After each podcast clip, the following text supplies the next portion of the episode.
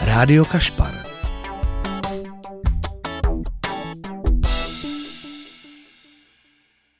Tak a je to tady. Proti mě sedí uh, skvělý herec a kolega, skvělý fotograf, Hinek Čermák. Já tě tady moc vítám. Ahoj. Ahoj. Ahoj. Uh, ty máš tady na tohle divadlo určitý vzpomínky, protože jsem vlastně koukala, což já jsem ani nevěděla, že jsi hrál v Růži pro Algernon. Mm-hmm, hrál To je jsem pravda? Doktora Štrauze i toho druhýho. Jsme se střídali s Tomášem Kargerem, eh, s Petrem Hruškou a s Kubou Špalkem, kdo měl zrovna čas. Tak jsme uměli obě ty role a v tom jsem hrál snad pět let. I jsem Takhle koukal, dlouho. jsem dole našel ještě svoji fotografii na plagátě. Hele, a to už je hodně dávno, protože jsem koukala. Premiéra byla 10.3. 93. Hmm. Tak to už je hodně, hodně dávno. To je hodně dávno a ještě sranda, že to bylo science fiction, že jo? Ta byla taková povídka. Jo, jo. A spousta věcí, které byly science fiction v té povídce, eh, tak jsou dneska pravda, což je úplně strašlivý. Takže Hmm. to science fiction se stalo dneska běžnou záležitostí. Hmm. A ty jsi to tenkrát naskoušel, anebo jsi Ne, to převzal rovnou Já jsem to někom? převzal, Jo. Kuba mě do toho vtáhnul kvůli tomu, aby to, to byla, nebo možná ještě, je, ještě se to hraje, že jo? Ještě se to No, hraje, už se to, no, oblíbená má několik repríz, je jich No. moc, moc, moc. A už to má i nový kabát, to bys to možná nepoznal, protože se změnila scenografie. Aha, aha. No, já vím, že jsme s tím hodně jezdili po České republice a že proto bylo potřeba, aby ty role znalo víc herců, takže já jsem byl dosazen. Já myslím, že to tak je do dneška. Já srdečně zvu posluchače, určitě, až se otevřou divadla, máte možnost tohle představení vidět. Tentokrát už teda bez Hinka. Tentokrát už já už bych to nedal dohromady. Takže vlastně ty máš tady na ten prostor obecně hezký vzpomínky. viď? No, vlastně je to moje alma mater, když to tak vezmu, hmm. protože když jsem končil divadelní fakultu, tak nebyl, ještě neexistoval nový disk a starý už byl zrušený, takže eh, můj ročník eh, DAMu tady měl eh, takzvaná disková představení, což byly absolventské představení. Tady jsem eh, zažil Idiota, tady jsem eh, potom pracoval s CD94 dlouho a potom z CD 2002 tady se odehráli Mušketýři, Bezbas Krvelský, Mandragora. Jo, to byly všechno takové generační komedie, se kterými jsme si jezdili celý svět a dobře se na to vzpomíná. Hmm, to já si ještě pamatuju. Já si vás pamatuju, tři mušketyři tam hrál i Matěj Hádek. Matěj Hádek hrál D'Artagnana eh, v eh, alternaci s Markem Taclíkem a to bylo hrozně vtipný, jsme dělali Dernieru, tak eh, hrál D'Artagnana Marek Taclík, asi po 15 letech jsme to dernierovali a já hrál Portose, no a při té derniéře eh, D'Artagnan Taclík vážil 106 kg a Portos 80, takže to bylo hrozně takový absurd. Partička. a partička dětků už Tak byli. to já jsem naštěstí viděla v době, kdy jste byli ještě feštní úplně mladíci. Ano. Bylo to krásné. Um, ty působíš jako drsňák, ale já jsem se dočetla, že vlastně ty máš hodně něžnou duši. To já jsem jako o tobě mm, To tušila, víš, jo? že jo? To, ano, věděla. jsem rád. ale že ty uh, si psal básničky nebo básně. Hmm, Psal jsi si je pro sebe, předpokládám, nebo No, tak to už je jako v první někoho. řadě eh, pro eh, své tehdejší lásky, hmm. to jako asi každý. Já jsem psal básně a pak jsem psal eh, texty písniček, když jsem měl kapelu takovou jakoby folkovou a tam jsem často eh, dělal texty. A moje maminka je básnířka, takže to tam nějak jako v té eh, palici, v té rodině máme, ale eh, jsem myslím, příliš špatný básník, když to třeba srovnám se svojí mámou, eh, že vlastně teď jsem nic nenapsal třeba 20 let. Ono je to taky tím, jak člověk dělá divadlo a film, eh, tak ten mozek jede furt v nějakých jako jinotajích, takže si chceš odpočinout, že jo? takže jako napsat báseň, na to prostě posledních 20 let nebyl vůbec čas. Třeba to zase přijde. Hmm. A ty jsi zmínil tu kapelu, to je ta kapela pro vás? Ano, kapela pro vás. Správně, hezky. No. No tak já tě mám načtenýho. No, hezky, no. Kapela rozumíš. pro vás. No, eh, nedávno jsme si s klukama zase zahráli a zjistili jsme, že máme vlastně že my, my se známe od základní školy, že máme přes 70 autorských písní, ale už prostě si zatím nestojíme. Nedávno to na mě někdo vytáhl, myslím v Českém rozhlase, a dokonce pustili nějakou tu písničku. existují nahrávky No, teda. existují, no. Už jsme s tím vyhráli nějakou regionální portu a e, to je opravdu strašlivý, když se podíváš takhle hluboko jako do sebe, tam jsou písničky, které jsem napsal, když mi bylo třeba 16, jo, takže si dovedeš představit, jak vypadaly. asi jo, ale každopádně kytaru asi do ruky někdy vezmeš. Jo, jo, na kytaru hra, samozřejmě hraju hrozně rád i na různý jiný nástroje. Mám tak nějak od Boha docela dáno, že ne, že bych jako hrál automaticky na všechno, ale baví mě to zkoušet. Jo, takže třeba kontrabas nebo Přesně piano. se chtěl a zeptat, co teda tě baví.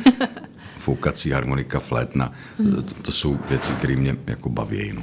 A využíváš to třeba na divadle? Použil jsi to? no teď zrovna jsme měli v Davidském divadle premiéru eh, divadelního představení Terapie, kterou režíroval Petr Zuzka.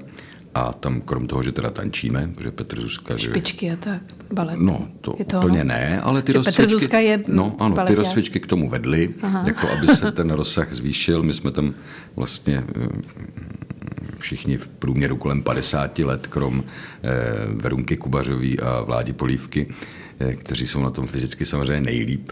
Verunka je teď vytančená. No tak jsme hmm. tak jako hledali svoje limity, jaký máme. Našli jsme je, ale byl na nás Petr Zuzka hodnej, jako jo, že to dobře dopadlo. No a tam mimo jiné hraju na kytaru samozřejmě v tomhle tam. Vládě Polívka hraje na kontrabas, Martin Mišička hraje na tahací harmoniku, jsme taková kapelka. Tam právě tohle představení, co jsem uh, se dočetla vlastně, nebo co vím i od uh, Ivana Trojana, protože se potkáváme u nás na kopci, Mhm. to je představení, které je složený z básní, je to tak? Říkám to tak správně. Ano, to je další věc, že vlastně Petr Zuzka přišel s tím, že by chtěl jakoby oslovit, nebo oslavit, spíš bych tak řekl, současné české eh, autory básní, což pro mě byla zajímavá výzva, proto jsem do toho šel, do toho představení, eh, protože mám tu současnou českou poezii hrozně rád a objevili jsme tam spoustu jako eh, lidí, eh, které jsem jako neznal. Třeba Teichner je takový jméno, který, eh, no vidíš, ti nic jakoby nic neříká, ale eh, je to vynikající současník, já myslím, že je mu tak 43 let a ta jeho poezie mě úplně jako šokovala, zasáhla. Je tam hodně poezie od mojí maminky, Jo, což je e, zvláštní pracovat jako divadelně, kdy musíš opravdu proniknout do té poezie e, a pronikat do poezie jako vlastní mámy je trošku ještě jiný pohled. Člověk se najednou i o sobě dozví něco víc. Jo. Takže je to fakt, že my jsme vlastně vzali ty básničky a pokusili jsme se z těch básní e, udělat dialogy a vlastně přineslo nám to téma. No a na základě těch dialogů se potom jako pohybově i vyjadřuje jejich pokračování. Jo. Když to řeknu úplně jednoduše, tak je tam třeba i polednice, tak jedna věc je ulavit si dítě stálo, se dá říct, ale zahrát se dá z plná hrdla křičelo. Jo. Takže takhle se to prostě eh, stavilo a e, musím říct, že vlastně je obdivuhodně vystavěný e, koncept toho scénáře od Petra Zuzky, který to režíroval i to celý napsal. E, mně to ze začátku přišlo celý strašně patetický a složitý, ale dneska jako po čtyřech reprízách pro nikoho, což je teda absurdní hmm. pro prázdný hlediště, eh, tak musím říct, že to má jako velkou sílu no, a že to bylo zajímavé setkání a pro mě velká lekce pokory, protože jsem si myslel, že už mě v mých letech jako na divadle jen tak něco nepřekvapí a jako projít si opravdu tříměsíčním jako kurzem pohybového divadla pro mě bylo pro lekcí pokory, takhle nějak. Takže máš rád výzvy. Ano, v podstatě ano, mám rád výzvy, naopak nemám rád, když eh, člověk dostane takovou tu práci, kterou si vlastně řekne, hele, tohle jako zvládnu. Samozřejmě furt to musí být s pokorou, jo, ale je lepší, eh, když mi někdo nabídne práci, o který si řeknu, ty, tak to nedám. A to je pro mě důvod, jako do toho jít. Pustíme si písničku z tvýho playlistu. Nechaj se překvapit, protože Nechám, ano. tvůj list, playlist je velké překvapení pro tebe. Posloucháte rádio Kašpar a mým hostem je dnes uh, Hinek Čermák, herec a fotograf. Mm-hmm. Protože ty skvěle fotíš, fotíš poměrně docela dlouho. Mě No, už to bude asi 11 12 let, no. 12? Hmm.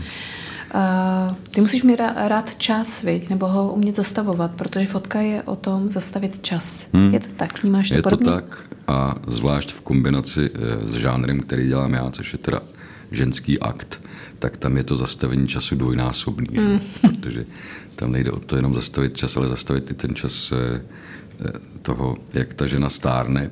A mně to někdy jako přijde líto, čímž nechci říct, že mladá nebo starší žena, že je v tom nějaký jako zásadní rozdíl. Ale co se týče krásy, ale je fantastický, že i třeba pět let stará fotografie, teď už mám pár takových fotek, kdy eh, jsem fotil holku, která ještě neměla dítě a teď už má třeba dvě a kouká na ty fotky a říká, to snad není možné, že jsem to já. Tak to je e, přesně ten důvod, proč vlastně, vlastně jsem s tím začal, protože e, třeba když jsem koukal na e, fotky Drtikola nebo Kuščinskýho, tak na to koukáš a říkáš si, tak týhle krásce je dneska 85 let. Jo. A to je prostě pro mě fascinující jako okamžik, eh, to, jak je vlastně ten život pomívej a to, jak si myslíme eh, v té chvíli, kdy jako něco žijeme, že to je to nejdůležitější na světě. A když se podíváš na takovouhle fotografii, tak zjistíš, že to není pravda. Že na světě je mnohem víc jakoby životů, který si zaslouží pozornost, nejenom ten tvůj. Takže je to takový, pro mě to, je to takový science fiction, jako je to cesta časem zpět a to mě hmm. na tom hodně baví. Takže tě zajímá vlastně nejen zastavení, ale ta proměna. Ta proměna hmm. a to, že vlastně eh, pro mě eh, ženská krása je hrozně jako inspirativní věc a je to jeden z motorů mýho života. Takže eh, mám jako rád ženy, mám rád to, jak myslíte, to, jak eh, zjemňujete svět, právě tím jako tou krásou, kterou máte. A to nějak mám pocit, že je potřeba tomu světu připomínat. Zvlášť třeba v dnešní době, kdy vlastně se to začíná skoro zase nesmět. Jo?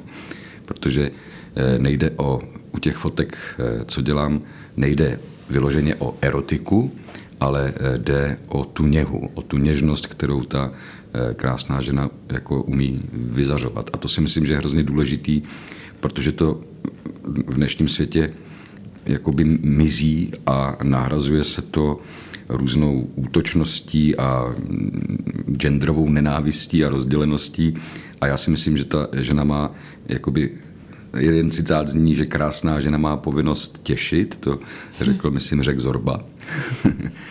a e, další věc je, že e, má, máte tu moc nás jakoby spojit. To, jak jsme teď rozdělený tou něhou, takže to je jeden z důvodů, proč se o to taky snažím. No. To se hezky poslouchá. Taková jo. pochvala ženství. No to jo, to určitě. Já bych ženy chválil. Tak to víš, že mám chvíle, kdybych je roztrhl. Jo, ale to je asi normální. No. Já myslím, že to máme i my ženy s váma tak, a je tak. to úplně v pořádku. a vlastně, když jsi zmínil to, že uh, si vyfotil ženu před porodem a vlastně po mm-hmm. dětech.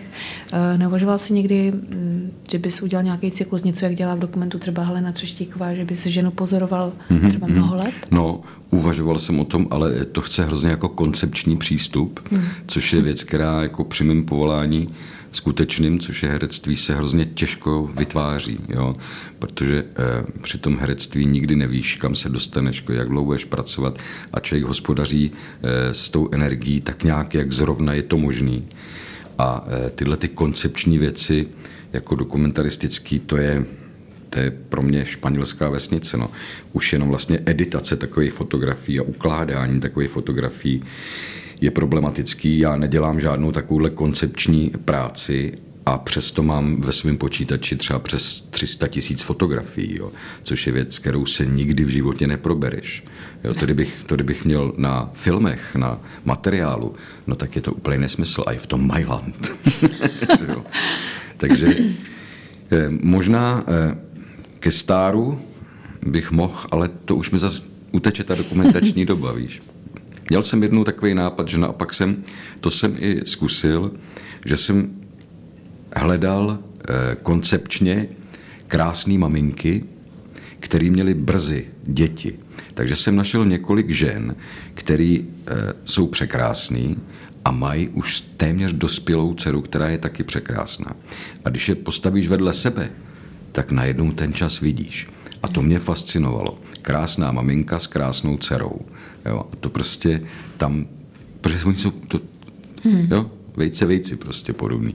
A tam jsem si říkal, no tady se dá ten čas zkrátit. Jo? Ale zase jako eh, najít takovýhle dvojice a donutit je jako k fotografii aktu není zas tak snadná záležitost. Jo. Takže jsem, našel jsem asi tři takové dvojice, ale pak jsem od toho ustoupil. Ty fotíš eh, černobílé. To bylo hmm. od počátku vlastně jasné, anebo si to zkoušel i barevně? Od počátku mi bylo jasné, že chci fotit černobílé. Zkusil jsem fotit barevně, ale za prvé černobílá fotka má tu výhodu, že jak svět není černobílý, skutečně není, když se tak někdy tváří, eh, tak je evidentní, že když uděláš černobílou fotku, tak už to má nadsázku. Hmm. Jo, protože svět je barevný. A ta černobílá fotka má nadsázku, takže je jasný, že už tím něco myslíš. Eh, a když vyfotíš nahatou holku barevně, eh, tak mě to furt zavání jako nějakou erotikou, nějakým playboyem, což netvrdím, že je špatný. Jo? A ono taky vyfotit eh, někoho barevně, aby to bylo hezký, je mnohem jako jiná disciplína, než fotit černobíle. Musíš vidět barevně a když chceš fotit černobíle, tak musíš umět vidět černobíle. Je to úplně jiný jako hmm. systém práce. E, jako nefunguje to tak, že uděláš barevnou fotku, v dnešní době můžeš digitálem udělat barevnou fotku a snadno ji převedeš do černobílí. Ale to nefunguje, protože všechno to svícení jako na černobílou eh, se dělá jinak než na tu barvu. No. A hlavně u těch nahatých holek mám pocit, že ta černobílá jim poskytuje nějaké jakoby oblečení, něco eh, tak jako chytře zahaluje to, co třeba není v tu chvíli na té fotce důležitý. Jo. Takže proto ta černobílá fotka, no a taky protože všichni tými pomyslní učitelé, kvůli kterým jsem to začal dělat, jako třeba Kuščinský nebo Drtikol nebo e, Newton, jo, to jsou moji oblíbenci, e, tak fotili černobíle, takže mi to prostě hmm. nějak zůstalo v palici a ta černé, černobílá mě baví hodně. Teď dokonce už fotím jenom na foťák, který umí fotit jenom černobíle. Ten foťák nemá tu barevnou škálu, což je obrovská výhoda a dostávám se mnohem dál. Hmm. Tady měl vlastně výstavu, to je už taky eh, hodně let zpátky, to byla obrovská, Člověče, není to tak daleko, to není je asi daleko. dva roky. Byli, byli jsme se ženou, no, no. no tady není A to bylo fantastické, to máš pravdu. No jasně, no. ty jeho no. nadživotní velikosti žen, ty jsou hmm. úplně fantastické. Teď o něm běžel nějaký dokumentární film, na který jsem se byl podívat někde těsně hmm. mezi lockdownama, tak to bylo možné v kině Aero, tuším, že to bylo. Hmm. To byl krásný film o něm. No. A ty teda si ty fotky sám vyvoláš? Už to umíš? Jako umím Nebo... to, umím to, ale ne, ne, nedělám to, protože eh, většina těch fotografií, co já dělám, tak jsou dělané digitální technikou. Hmm. A k tomu je, a obrazy, které já eh, dávám na výstavy, jsou velikost 90 x 60, což je poměrně velký formát. Hmm. A vytisknout takovouhle věc není jednoduchý. Ale naštěstí jsem eh, třeba v Kolíně našel Eh, člověka, který opravdu s velkou láskou umí vytisknout takovouhle fotku, eh, která má prostě to kouzlo tak, jak já si to představuju. To je totiž tisk té fot, digitální fotografie je vlastně další specifický obor, který jako musíš ovládnout stejně jako to focení. A na to já už nemám kapacitu. Že jo? Takže je lepší mít dobrýho tiskaře, který se s tím poradí. Hmm. Ono ještě něco jiného, tedy řeknu, fotit pro sebe, vlastně zkoušet si to a potom jít s tím uh, na výstavu. Na, na výstavu. Hmm. Tvoje první výstava nějak byla vlastně v tom prostoru vedle divadla, hmm. uh, Davidského divadla, v tom ano. antikvariátu, jestli to říkám správně. Jaký to bylo? Eh, no, zjistil jsem fantastickou věc, že když jsem tam ty nahatý holky pověsil, tak jsem zjistil, že to není o jejich nahotě ta výstava, ale že to je o mé nahotě. Protože když uděláš soubor 20 aktů, dlouho je vybíráš, řekneš si ano, tuto fotku ano, tuto fotku ne, pověsíš to tam, tak najednou zjistíš, že to naprosto otevřeně hovoří o tom, jak já vidím ženy, jaká je moje sexualita, co upřednostňuju. Takže eh, najednou, když to tam vyslo, tak jsem zjistil, hm, to je můj striptease, nikoli těch holek. Jo? A zjistil jsem, že vlastně eh, je to, ne, že by mě to vyděsilo, jo? naopak, ale to, když tu výstavu neuděláš, tak tohle nezjistíš. Jo? A ono je to taky u, i u malířů, že u sochařů jsem si v tu chvíli uvědomil. Hmm. Protože když do toho díla jako dáš kus ze sebe a ty lidi přijdou, tak mi to poznají. Jo? Něco si o tobě myslej potom. Takže to byla jako další, tak byl to takový další level, který mě e, utvrdil v tom, že jsem se vydal správnou cestou, protože to zase byla taková ta věc, kdy jsem si říkal, hm, tak tohle nezvládnu, tak to zkusím. Hele, a jak, jak vybíráš jako fotku vlastně e, třeba na tu výstavu, nebo jak poznáš, že ta fotka je dobrá, že se ti povedla? Poznáš hmm. to v tu chvíli toho focení, nebo potom, no, když vybíráš? Myslím, že ti to potvrdí asi každý fotograf, eh, že když fotíš, tak najednou víš, že tam tu fotku máš. Jo, jedeš, eh, měníš světla, podíváš se na to, v tom digitálu je ta výhoda, že prostě je tam ta okamžitá mm-hmm. kontrola, ale ono to teda funguje i, když fotím na materiál, Eh, že v té hlavě si řekneš, tohle bylo dobrý, to tam je. Jo? A teď, když jako fotím modelku, nebo teda ty moje holky nejsou většinou modelky, jsou to většinou herečky, co si budeme povídat, eh, tak eh, uděláme třeba 300 fotografií a já vím, že jich tam pět mám, které jsou jako, a to vidíš takhle periferně, jenom přenastavuješ clonu a řekneš si, jo, tohle je ono. Jo? Takže vím, že tam pět mám, no a potom, když eh, holka odejde, tak to nadspu do kompu a projedu to a zjistím, že jsem se třeba mailil a že nemám ani jednu z těch pěti. A voláš zpátky. Volám zpátky. A nebo se mailím na tu lepší stranu hmm. a místo pěti jich tam osm. Jo? A samozřejmě ještě v dnešní době technologický, kdy fotíš na foťák, který má 51 megapixel, tak máš obrovskou výhodu v tom, že když se ti to kom, eh, kompozičně jako nepodaří, ta fotka, a tak uděláš výřez a z těch 51 megapixel můžeš řezat pomalu až na velikost hmm. oka a furt to bude dostatečně jako informací v tom obrázku, aby si z toho udělala velkou fotografii. Takže jako tím ořezem se potom dá co zachránit. Stejně jako ve fotokomoře. Jo. Hmm. Ale tam už nějaký limity byly. Jo, já dneska můžu pracovat eh, s ISem 12,5 tisíce, ale když fotíš na eh, materiál, tak eh, dobře čtyřstovka a tím to hasne. Takže to světlo se líp ovládá. No, protože třeba často fotím, to mě hodně baví teďko, jakoby na pankáče, to znamená, že jdeme někam ven. Jo. Teď jsem fotil jednu holku v kavárně, což je hrozný. Jako, jako nahou vlastně. Nahou, no. Což ale je, tak teďka jsou kavárny Teď jsou zavřený, no, no, my jsme tam, to není tak vzrušující. No, no vlastně. ale i tak je to, jo, posadíš hmm. tu holku a chtěl, já jsem chtěl záběr zvenku, z ulice, hmm. jakoby streetovej, na holku, která pije kafe hmm. a prostě kouká prso. No jo, jenže to ta holka prostě to prso musí vystrčit a tam chodí taky lidi. Jo, jo. Takže to je adrenalin. A teď nesmíš jako dopustit, eh, hmm. aby se něco jako stalo, že jo, aby hmm. někdo... To, takže to je adrenalin a toto svícení je samozřejmě mnohem složitější. Já tam nemůžu eh, si postavit čtyři lampy a udělat ten záběr, ale prostě mám foťák, který dokáže zachytit ty věci už dneska takovým způsobem, když víš, jak s ním zacházet, protože on ten foťák sice je skvělá jako technologická věc, ale furt je to vlastně bych řekl, jako malířská paleta, s kterou musíš umět zacházet, aby si mohla namalovat obraz. Jo. Nefotí to samo. Škoda, abych to taky zkusila. no, ale zase tak dlouho by ti to netrvalo. Na to bys přišla. Hmm. No. Ještě u fotky zůstaneme, ale pustíme si písničku. Matěj, co tam je? Robert Křesťan. Robert Křesťan. Uh-huh. Dobrý to je oddíl. můj oblíbenec. Dobrý. Dobrý oddíl. Zůstaneme ještě u fotky, povídám si tady s hercem a fotografem, můžu už to takhle vlastně nazvat, Hinkem Čermákem. Dá se říct, že by tě fotka mohla i živit? No to nevím, to je, myslím, velmi tvrdý obor eh, a eh, speciálně třeba v České republice eh, jsou jako desítky opravdu vynikajících fotografů. Nerad bych se účastnil této soutěže. Naštěstí mě to živit nemusí takže mě to neživí a živit asi nebude, si myslím. No, jasně, moje fotky se prodávají, ale eh, prodávají se většinou z charitativních důvodů hmm. a přinášejí peníze někomu jinému než mě. A tak je to, myslím, v pořádku. To je skvělý. Ty ještě kromě aktů jsem se dočetla, že fotíš i portréty. To trvá, nebo to je jenom nějaká hmm. vlastně mezifáze? Ne, ne, ten portrét totiž dokáže, jak bych to vysvětlil, no?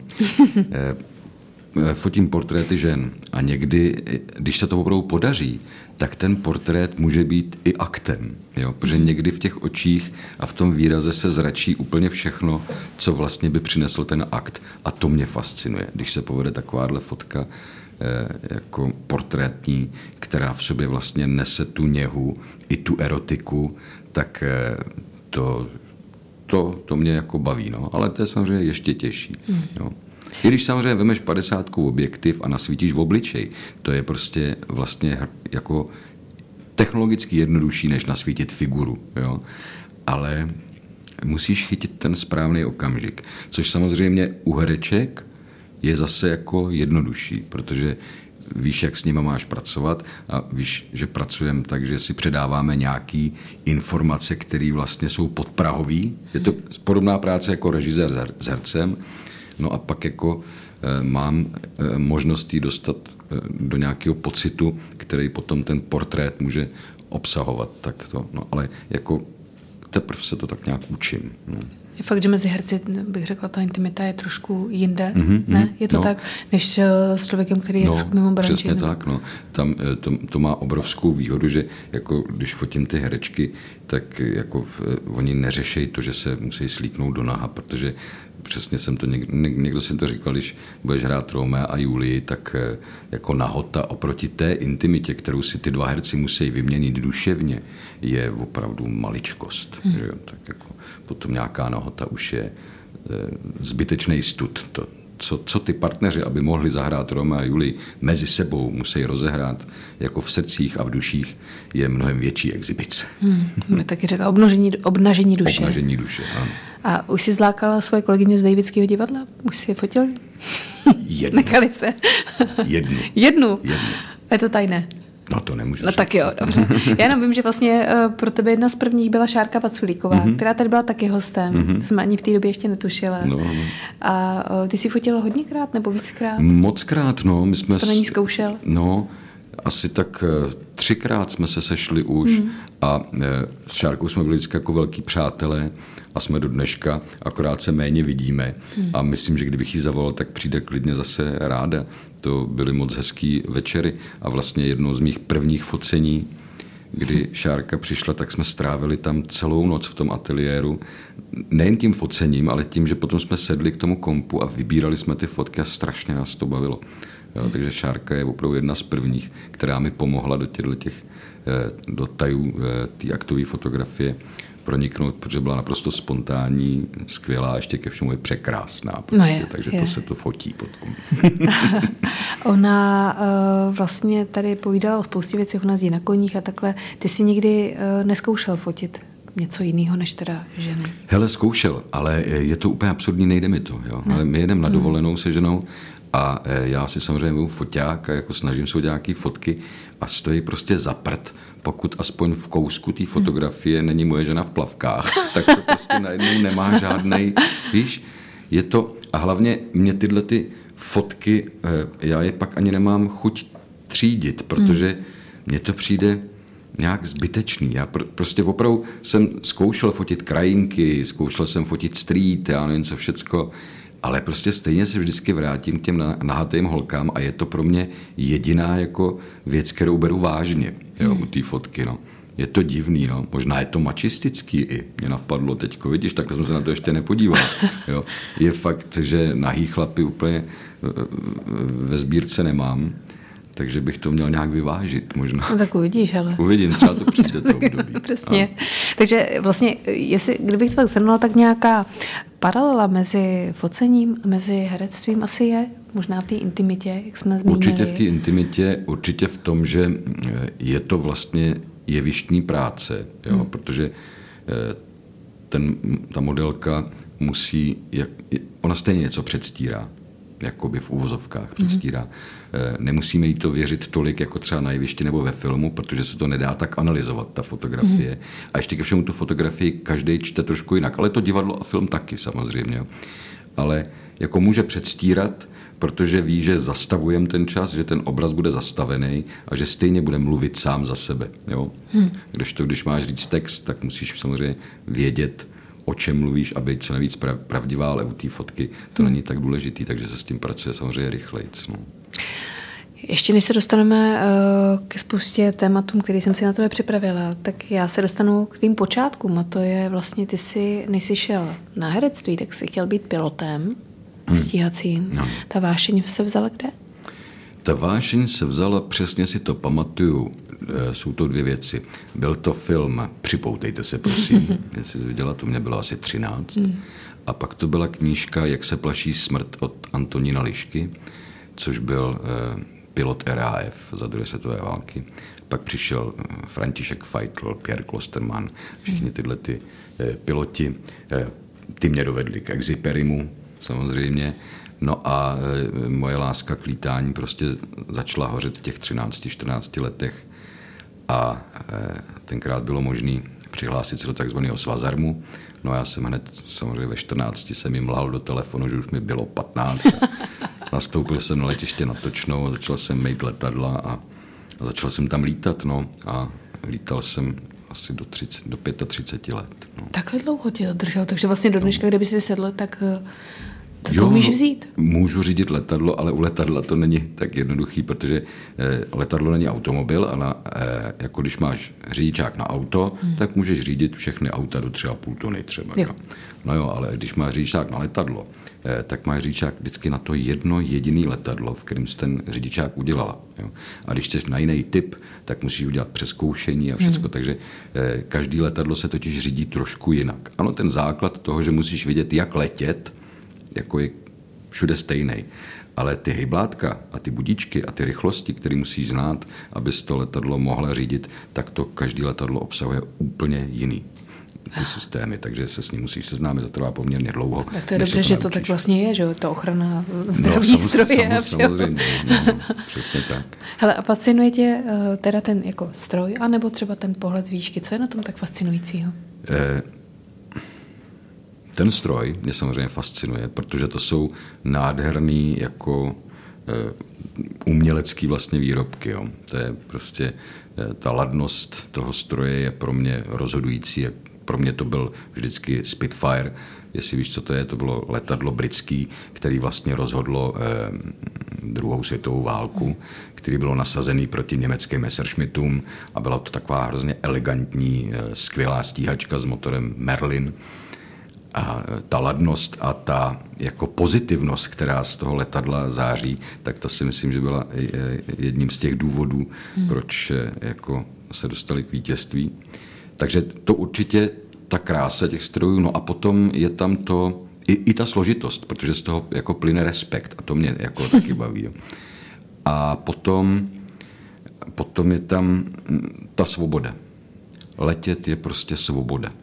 Letět je svoboda a, je, a fascinace tím umět ovládat takhle složitý stroj to je další jako věc, o který si řekneš, to nedám, takže to musím zkusit. No. To je další výzva. Je to, no, no, lítání je samozřejmě výzva, no.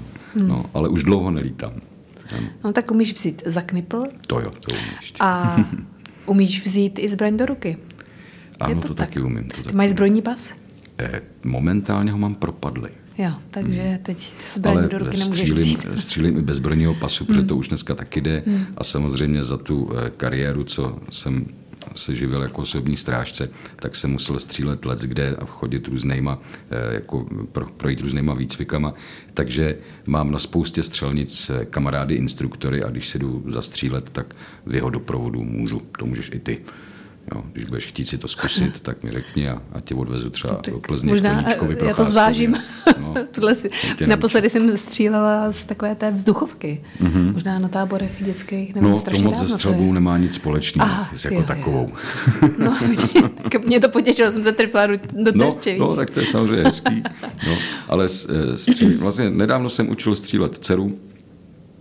Eh, před eh, asi dvěma lety jsem učil střílet ženu a e, v obě na to mají e, jako buňky, protože ke střelbě je, e, myslím, takový jako základní prvek, který rozhodne o tom, jestli to můžeš nebo nemůžeš dělat, je respekt. Protože ta zbraně je strašně jako nebezpečná záležitost a při střelbě je strašně důležitý se v první řadě naučit zacházet s tím, abys sobě nebo někomu v okolí neublížila pak teprve můžeme přejít k tomu, abys něco nebo někoho, nedej bože, trefila. Jo, to je druhá věc. A k tomu už se eh, potom váže další a další jako bojovnická filozofie, ale to je na hodiny a hodiny vyprávění. Hmm. Jo, o co jde. Já si tě pamatuju v době, kdy jsi ještě pracovala jako v ochrance mm-hmm. kdysi jsem byla na Tálích a ty jsi tam byl jako ochranka. To bylo neskutečně. No, jo, to je pravda, no. že vlastně dneska takovýhle herec, který proti mě sedí, hmm. skvělý, výtečný, Děkuju. máš český holva a tenkrát si tam stál u vchodu a vlastně si byl jako hmm. takový hmm. mm, ochra- Jako prostě ochranka, stráž. ano, Ano, osobní ano. stráž. Ty se s ním docela dlouho živil, že jo? Živil jsem se tím dlouho, no. Dělal jsem to třeba 15 let. bych A dneska řekl. už je to uzavřená kapitola? Mhm, Je to uzavřená kapitola. Samozřejmě eh, všichni ti přátelé, s kterými jsem tenkrát pracoval, tak dneska to dělají dál. Někteří z nich eh, přešli třeba do oboru kontraktorů, což jsou vojenský osobní strážci v ozbrojených konfliktech a jsou to eh, špičky třeba na světě. Jo.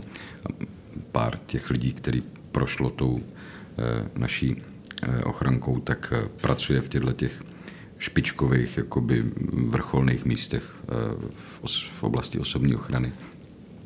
Tak ty to dělají dál. Já už jsem to uzavřel, ale rád se s nima sejdu, rád si poslechnu ty historky, rád si občas zastřílím a rád eh, si občas zaspáruju takzvaně. No. Zaspáruju znamená co? To znamená boj zblízka. Jo, aha. No. Protože to je vlastně celoživotní zábava. A ty sportuješ teďka, děláš něco pro to, abys tu kondičku trošku udržel? No, ani, ani ne. ne. Jako děl, teď jsem točil uh, film o boxérech s Petrem Bebiakem uh, a tam bylo potřeba trošku jako vypadat jako boxer, no tak jako já celoživotně tak nějak jako posiluju a to, hmm. tak uh, teď v tom lockdownu jsem přešel na ten úsporný režim a dělám jenom kliky a chyby a to úplně stačí. Vlastně, já bych řekla to, co si, čím si prošel, vším se ti vlastně hodí perfektně do herectví, to, do toho, jo, co děláš. Jo, má to samozřejmě výhodu. No. Třeba jako, když chceš hrát eh, policejního komisaře hmm. A chceš vytáhnout pistoli před kamerou, tak dokud to jako neskuší, neskusíš jednou, tak nikdy nezjistíš, že to je strašně složitá záležitost. Pro člověka, který nikdy neměl v ruce zbraň, jako natočit záběr, že přijdeš do dveří a rychle sáhneš za sako, vytáhneš, nabiješ a zamíříš, to je neřešitelný problém. To je na tři roky výcviku, aby to vypadalo dobře. Takže já naštěstí tohle řešit nemusím, protože ty leta toho výcviku mám, ale eh, zažil jsem už moc krát ty situace, kdy třeba v Davidském divadle Simona Babčáková hrála nějakou detektivku a přišla za mnou a měl s nějakou umělou bouchačkou. Říká, hele, já zítra točím a můžeš mě vysvětlit. tak jsem se jí to snažil naučit a druhý den jsem jí říkal, tak se jak se dopadlo. Tak ano, tak jsem na té lodi jako nejdřív tu pistoli vytáhla, nepovedlo se mi to, tak to bylo pomalu. No a pak se mi to povedlo rychle, ale spadla mi z té lodi a spadla nám do Vltavy. to Simona bych řekla. Tak. A takhle by ale fungovalo spousta herců. Takhle by mohlo fungovat spousta herců. No. Ono si eh, každý myslí, že jako ta pistole je prostě zbraň, ale eh, já vždycky říkám, eh, pistole je asi tak stejně složitá jako meč. Jo. Každý si dovede představit, že mít v ruce meč eh, ještě je potřeba k tomu umět šermovat, že jo? protože jinak se tím mečem neubráníš. No a u té pistole je to ku podivu to samý. Ono to sice střílí takzvaně samo, ale musíš to prostě umět. Takže jako vzít si kort a jít se bránit, když nebudeš umět čermovat, by tě nenapadlo. Ale u pistole, no, je to to samý. A s kodem to teda umíš taky? S kordem to umím taky samozřejmě, protože eh, zaprvé na damu jsme všichni prošli, že jo, šermířským výcvikem. pravda? My na jemu taky teda. Tak, ano.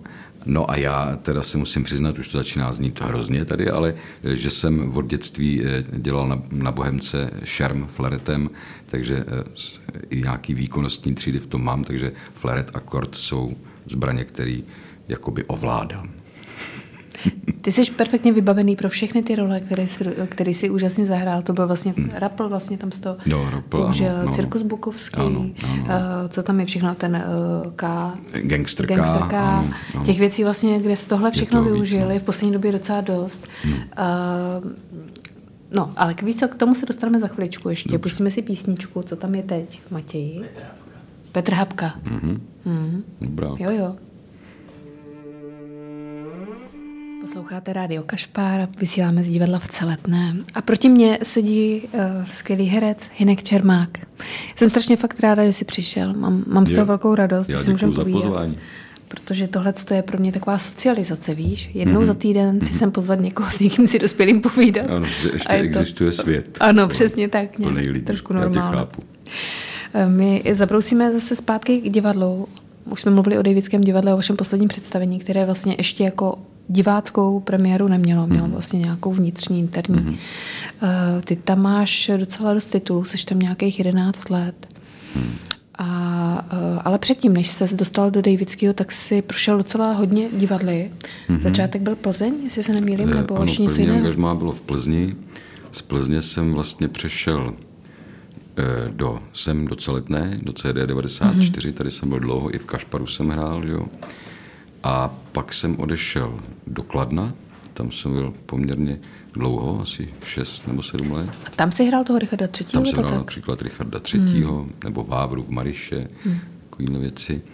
A o tamtud jsem, sice dostal jsem už nabídku od Mirka Krobota do Davidského divadla tenkrát, ale e, můj kamarád Ondra Zajíc e, se chystal do městských divadel pražských a já jsem šel za ním a byl jsem asi sedm let v ABC, tam jsem odehrál taky spoustu rolí. No a pak eh, od tam tuď jsem nakonec přeběh do toho Davidského divadla, jsem tam dodnes. Je to nejdelší angažmá, který jsem kdy měl. A je to, protože jsem prošel jako mnoha divadly, eh, i jako host, eh, hostoval jsem v činoherním studiu v Ústí, v činohráku tady v Praze, v Národním divadle, jo, bylo to v Českých Budějovicích a tak, takže znám jako tu souborovou práci a to, jak se v divadlech pracuje, znám to dobře a to Davidské divadlo se úplně vymyká tomu systému a proto tam zůstávám, protože to Davidské divadlo je eh, plný jako velkých hereckých i lidských osobností. Hmm. a eh, to se projevuje tím, že nikdo z nich není ochoten Eh, jakoby se jenom vést, tam všichni táhnou, jo? protože jsou soubory, kde táhnou třeba tři herci a ostatní se tak jako vezou, jo? ale tady prostě všichni táhnou a celé to vedení toho divadla eh, staví na tom, že to vedení zajímá, co ti herci chtějí dělat a co si o tom myslí. A to si myslím, že eh, to na mě působilo po všech těch divadlech tak svobodomyslným dojmem, že z tohohle důvodu jsem tam zůstal a strašně moc jsem se za těch eh, skoro 11 let od těch svých kolegů, co tam jsou 25 let, tak jsem se od nich hodně naučil. Až to všechno byli kamarádi z Damu, hmm. který znám jako celoživotně, tak musím říct, že vlastně furt, eh, furt se mám co učit. A i od těch, kteří tam přišli po mně. Jo. Třeba teď je tam Vláďa Polívka a i když je mu 31 nebo kolik, hmm. tak i já se můžu učit od něj, jako věci, které by mě třeba nenapadly, že jsou důležité. Hmm. Takže furt ten má pro mě nějaký, eh, nějaký důvod, proč tam zůstávám. A ještě nikdy jsem se tam vlastně nesetkal eh, s režijním despotismem, který mě strašně vadil v životě herce. Dělal jsem s režisérem, který, což není eh, jako urážka, ale je to způsob práce. Jo? To, to říká režijní despotismus. Myslím, že od z Ruska to přišlo, bych tak typoval. Ale eh, v těch Davicích se dělá tak nějak způsobem já pán, ty pán a pojďme se vzájemně inspirovat. A to je věc, která mi strašně vyhovuje. Hmm. Ono to ale z toho divadla hrozně leze, jako na, na diváky, když člověk hmm. přijde na to představení, tak tohle já cítím. Tak to mám velkou radost, no, že, že nejsem sám, kdo to tak jako cítí. já jsem koukala, co všechno hraješ, tak jsem fakt viděla skoro všechno, to je ten Dealer's Choice. Mm-hmm. To je skvělý. Ucpaný eh, systém jsem viděla, Dubbing hmm. Street, který vlastně tam, to byl i seriál, Zelenka to, to dělala, vlastně v tom si taky byl, že jo. Uh, viděla jsem Zásek, to dělal, režíroval hmm. Ivan Trojan. Hmm.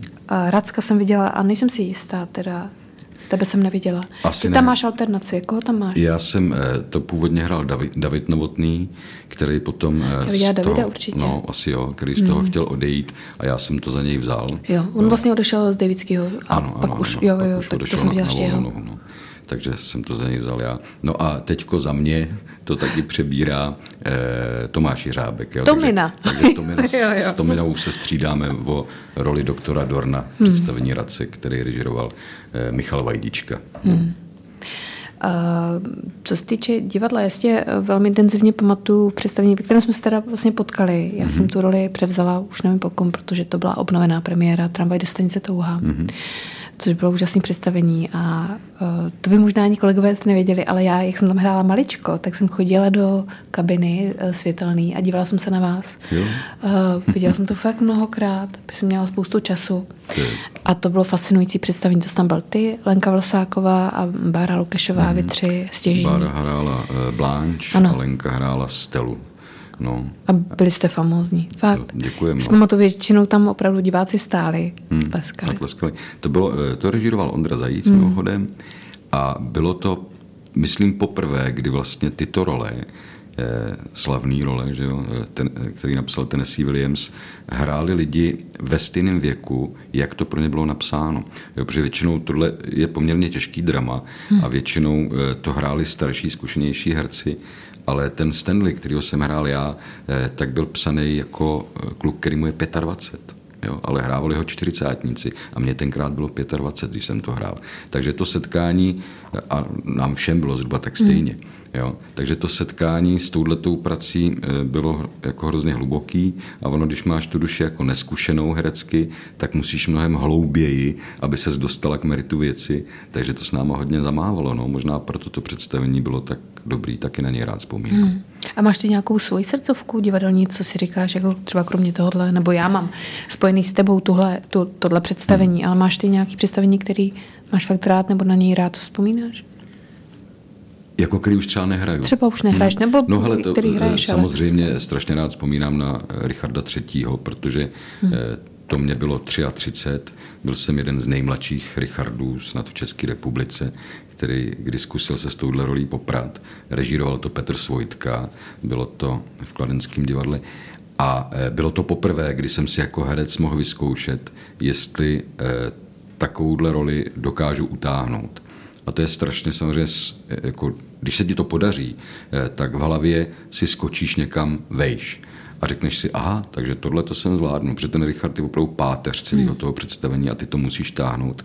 A ještě Richard III. je zvláštní hra v tom, že eh, čím víc se blížíš ke konci toho téměř tříhodinového opusu, tím je fyzicky náročnější. Jo, takže vlastně ti ubejvají hmm. síly a ví, že tě čeká ještě horší a, a ještě horší bitva. Jako, takže to je, jako je skvělý. No pamatuju si, že když byla premiéra, tak jsem stál za tou šálou, že to začíná monologem Richarda, jak vyleze ven a mluví vlastně o tom, jaký je. A už začala hudba a mě proletělo hlavou, ty vole, teď to nemůžeš ani umět z paměti, na tož to zahrát. A v tu chvíli už se musel jít ven. Je to kládá, musíš. No, no musíš. Ehm, vlastně letos, nebo minulý rok Hamlet nebyl na hradě, že jo? Letos se to minulý chystá, to jsou, byl? nebo byl, ještě byl. jste to zvládli. Mm, a jak je to letos? Protože to jsou Shakespeareovské slavnosti pro posluchače, tam se hraje každý rok vlastně mm. nějaké Shakespeareovské představení. Uh, a ten Hamlet, to je s Jardou Pleslem hlavní roli. Mm. Budete to hrát?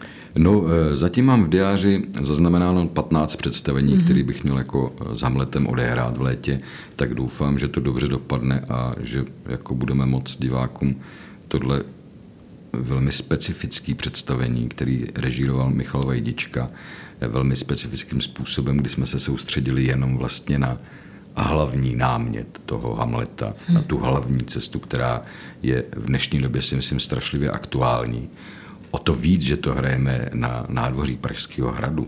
Hmm. O to víc, že nás přitom hlídali vojáci se samopalama. Eh, tak to vlastně docházelo úplně k absurdním jako, eh, kontextům. No tak eh, doufám, že se v létě podaří to odehrát, protože myslím, že hm, kdo to neviděl, že by se měl přijít podívat, že za prvé si velmi eh, jako zábavnou formou splní povinnou četbu. a za druhý má šanci vidět Jardu Plesle, jak uchopil společně s Michalem Vajdičkou svého Hamleta opravdu velmi současným způsobem. Hmm, já jsem to viděla a opravdu to stojí za to. Děkuji. Moc no, se mi to líbilo. No.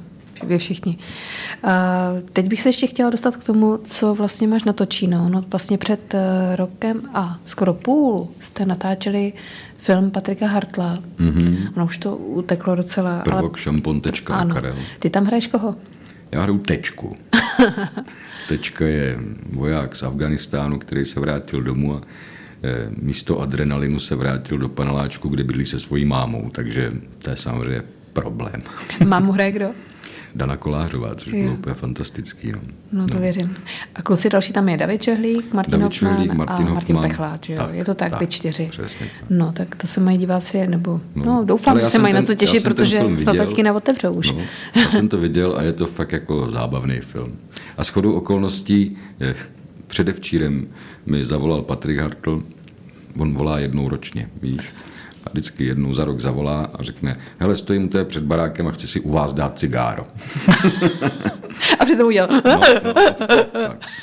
Takže k nám vtrhnul a byl u nás asi, on zřejmě i jednou ročně kouří.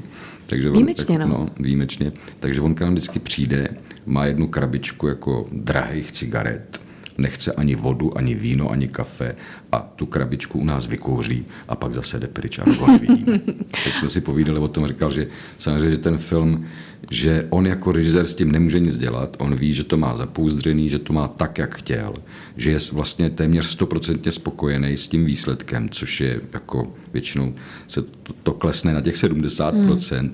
ale eh, Patrik si to jako uhlídal, že těch kompromisů udělal tak málo, že říká, že opravdu jako to a že samozřejmě eh, být v kůži toho producenta je něco jiného, ale Patrik s tím jako režisér nemůže nic dělat. Hmm. Je prostě potřeba věřit tomu, že se budou moci otevřít kina, aby se nejenom ta finanční investice, ale ta vnitřní, jo. Hmm. protože vem si, že ten Patrik to prostě psal třeba pět let, tu věc, a potom dalších pět let připravoval ten scénář a dva roky to režíroval. Jo. To je prostě 12 hmm. let života, který jako já od něj vím, že právě tohle téma, vlastně ta kniha, že o to byl zájem z mnoha směrů mm-hmm. to mhm. natočit.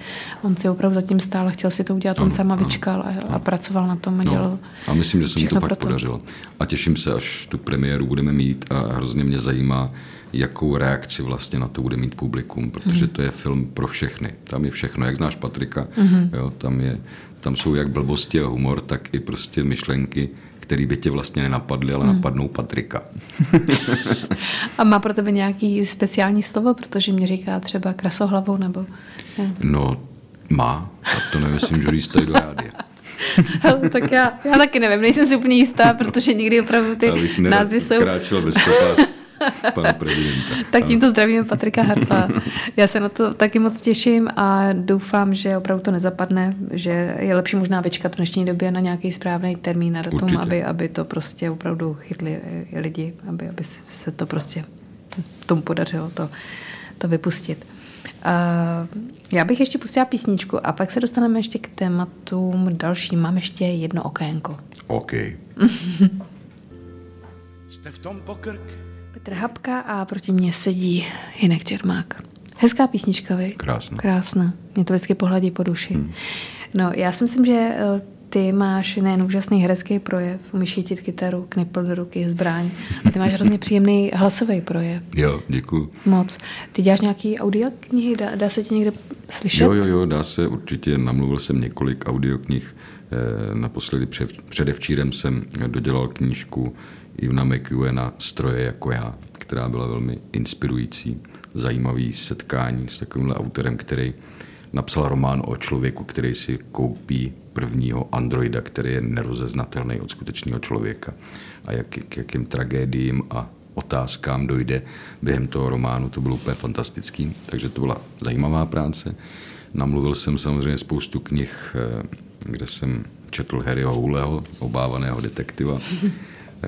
No a teďko se chystám, a na to se těším, eh, eh, v provydavatelství One Notebook chystám knížku Exiperiho Noční let, což je takový moje téma a eh, není to úplně jako dílo, který by znal od Exiperiho každý.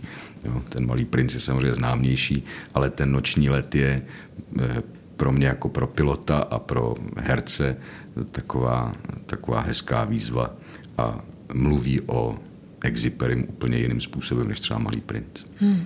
Kluk se ti hezky uzavře, ale Krásně seděl si v letadle, teď si no, o tom nečteš no. knížku. Uh, nemá nahlas vliv uh, to, že kouříš doutníky, jako vlastně teď myslím v tom horším.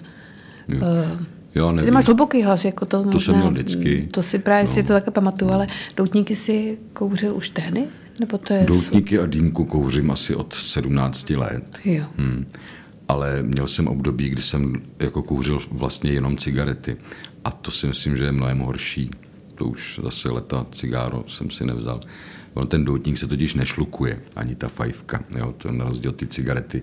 Takže jako zdraví to rozhodně není, mm-hmm. ale cítím se mnohem líp, než kdybych kouřil cigára. no a říká se, že ten kubánský doutník je dobrý, tak je, je dobrý? Kubánský doutník, no jestli to takhle můžu říct, já není, já ho nemám oblíbený. Hmm. Na mě je to příliš utažený a příliš lehký kuřivo poslední dobou se trošku jako zhoršili a mám oblíbenou jinou značku a kouřím to spíš teď říct. mexický, mexický, mexický provenience. Ano. Uh, ono vlastně uh, myslím, že už je to vlastně trend nějaký, že jsou kuřáci cigaret a pak jsou doutníkáři. Že jo? Mm-hmm. Já tam třeba Malvínu Pachlovou, která neznám ženu, která by s takovou Kouří vášní dýmku. kouřila, ano, dýmku třeba. Ano, ano, ano, ano, no jasně, no tak jo. protože její tatínek, eh, pan profesor Pachl, který mm. nás měl na pohyb na damu, už mojí mámu učil na damu. tak prostě je vášnivý kuřák dýmky, no tak ona samozřejmě se potatila. To je dobře. Dýmka totiž otvírá mozek. Jo? Eh, dýmku nemůžeš kouřit jen, jen tak, jako že si dáš cigáro, jo? ale eh, dýmku musíš umět nadspat, umět jako zakouřit a dát jí čas. A eh, ten čas, aby se ta dýmka nerozžavila, tak je o tom, že musíš pravidelně jakoby dýchat takzvaně do té dýmky aby se nepřehrála. A to má něco společného ku podivu jakoby s holotropním dýcháním, že ta hmm. pravidelnost ti začne ten mozek skutečně jako otvírat. Je to trošku, je to podobné, jako když třeba budeš psát báseň, tak když si dáš dvě deci červeného, tak se dostaneš jakoby dál. Když si dáš flašku, tak už ta básnička bude stát zastaví. Jasně, je to konečná tak, tak, můžu to hodit do koše. Tak, tak přesně. Když řeknu úplně zabrousím ještě jinam. Eh, když řeknu odpalmuj se, tak to vidím hned svoji ženu. Svoji ženu, která sedí v kuchyni za stolem u počítače a trápí se s nějakýma informacemi nebo různě vytváří nějaký e, grafický prostě e, obrázky, kterými se snaží e, říct lidem na této planetě, že takhle to dál nejde a že je potřeba s tím něco dělat, protože náhradní planeta neexistuje, alespoň prozatím a i tak by nebylo, i kdyby existovala, hmm. tak hrozně jako by nebylo fér tý naší ubližovat. Mně se hrozně líbí, co buď řekla ona nebo napsala ke svýmu postu, že vlastně uh, jde o to, že planeta si pomůže, ale my tady u toho nebudeme už pak. Ano, no to je, to její, je to její životní postoj, ano. má pravdu.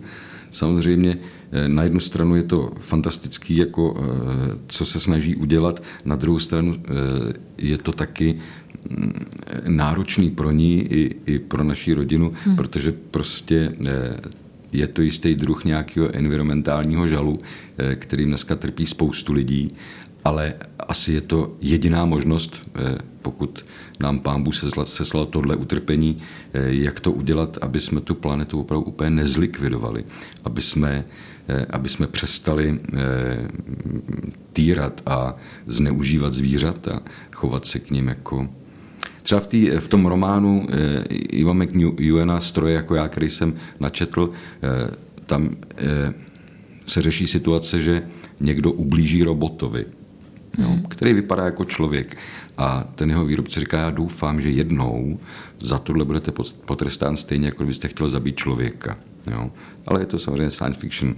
No ale e, my se chováme dneska ke zvířatům tak, že doufám, že ta zvířata si časem zaslouží tohleto, že vlastně pokud se k ním budeme chovat eh, takhle, takže si my zasloužíme nějaký trest. Nejenom ten boží, jo, ale i, že by se to mělo nějak snad jako právně vymezit. No. Takže eh, krom toho, eh, ty zvířata souvisí, co vím od mojí ženy, souvisí to i s tím, že například to, eh, kolik konzumujeme hovězího masa, je tak hmm. zbytečný, že to je jeden z nejvíce jako ohrožujících jeden z největších důvodů, který ohrožují naši planetu, ta produkce toho bioplynu je vlastně jako děsivější než to, že jezdíme autama na benzín. Jo, takže tohle sbírání informací, o který se žena snaží a dávání jako najevo lidem, je jako bohulibá hmm. práce, která doufám eh, se nemine cílem. Hmm. No. Jak jsi řekl, bioplyn, bona no. voda vlastně, kolik je spotřeba ano. vody ano, na kilo masa, odlesňování. Ano, eh, ano, to jsou, vždycky, toho... když mi to žena začne vyjmenovat, tak já úplně žasnu. Hmm. A to jsem si myslel, že zhruba vím, jak se chovat k té přírodě, abych ji jako nedevastoval. Ale to jsou, tak, jako, to jsou hmm. takový omily, hmm. jo, že opravdu, když si dáš jeden steak, tak si řekneš a sakra. Hmm. Jo. Tohle já jsem taky dlouho nevěděla, mě to hmm. taky fascinovalo. Hmm. Jak, jak to ve skutečnosti, ale to by bylo asi téma uh, spíš teda pro tvoji ženu jsem pochopila. To určitě, to si a... jsem pozděl, ta, ta o tom umí mluvit erudovaně. A na mnoho hodin, ano, to by ano. jsme si museli udělat opravdu čas. Nicméně, tak uh, předpokládám, že ty se v tom interesuješ tím, že ji podporuješ a No samozřejmě, tak, no, no, no, no. Hmm. To, že jo. Snažím se, jako, když, když to jde. Eh, nedávno eh, vymyslela a zrežírovala videoklip na to téma a eh, samozřejmě aby to bylo co nejlevnější, jak jsme to dělali ve vlastní produkci, tak jsem chvilku byl i kameramanem, tak to je jedna z mých jako A hraješ v tom taky? Taky v tom hraju. z možností, jak, jaký můžu podpořit a to dělám vždycky rád. Hmm, to je skvělý. Uh, než se s tebou rozloučím, uh, jak, jak zvládáš tuhle dobu vlastně? Máš na to nějaký jako recept nebo? Hmm. Hele, eh, já ji zvládám dobře. Za prvé je to díky tomu, že mám teda jedno velikánský štěstí, že nikdo v mém okolí no, nemocí nebyl postižen tak, aby to skončilo tragicky. Takže tady jsem ke mně osud zatím chová velmi krásně. Nedovedu si představit, jak bych to bral, kdybych byl jedním z těch, eh, kterým se to bohužel eh, nepodařilo. Takže já eh, ten rok, co mám za sebou, považuji za hrozně plodný v tom, že jsem si strašně odpočinul, že jsem si znovu pojmenoval svoje životní priority, že jsem se znovu dostal k sobě, že jsem se dostal ještě blíž ke svým dětem, díky tomu, že jsem na to měl čas, že jsme strávili hodně času se ženou v přírodě třeba a bylo to hrozně občerstvující. A doufám, že eh, i ten rok nám všem tady eh, na té planetě právě přinese informace o tom, že není potřeba podporovat ten růst růstu, že není potřeba eh, generovat zisk, ale že by bylo fajn chvilku generovat něco, třeba štěstí, jo? že třeba mě děsa, děsí mě jakákoliv, genera, jako, jakýkoliv generování prostě věcí, jak, jako jsou třeba peníze, jo? nebo proto se třeba vyhýbám korporátům a tak jako, jak, jak jen to je možný. Tak já doufám, že eh, s tím, eh, s tím koronavirem přišla nějaká renesance. Někde to jako cítím, že to je možný a doufám, že se nemýlím a že třeba za dva roky si řekneme, tak dneska jako, jako lidstvo už víme, že jsme vykročili správným směrem. Protože tím směrem, kterým to šlo do posud, myslím, že už bychom to dlouho nevydrželi. Děkuji. Eh, vážení posluchači, tak eh, slyšeli jste tenhle rozhovor s Hinkem Čermákem, bylo to skvělé, já ti moc děkuju. Já taky děkuju. Pokud si nás budete chtít poslechnout ještě jednou, můžete z archivu, který je na www.radiokašpar.cz a já se teďka loučím. S Hinkem pustíme si ještě jednu písničku na závěr a ještě jednou ti moc děkuju, že jsi udělal čas. Já děkuju, taky se s tebou loučím a s posluchači taky. Mějte se krásně. Ahoj. Ahoj.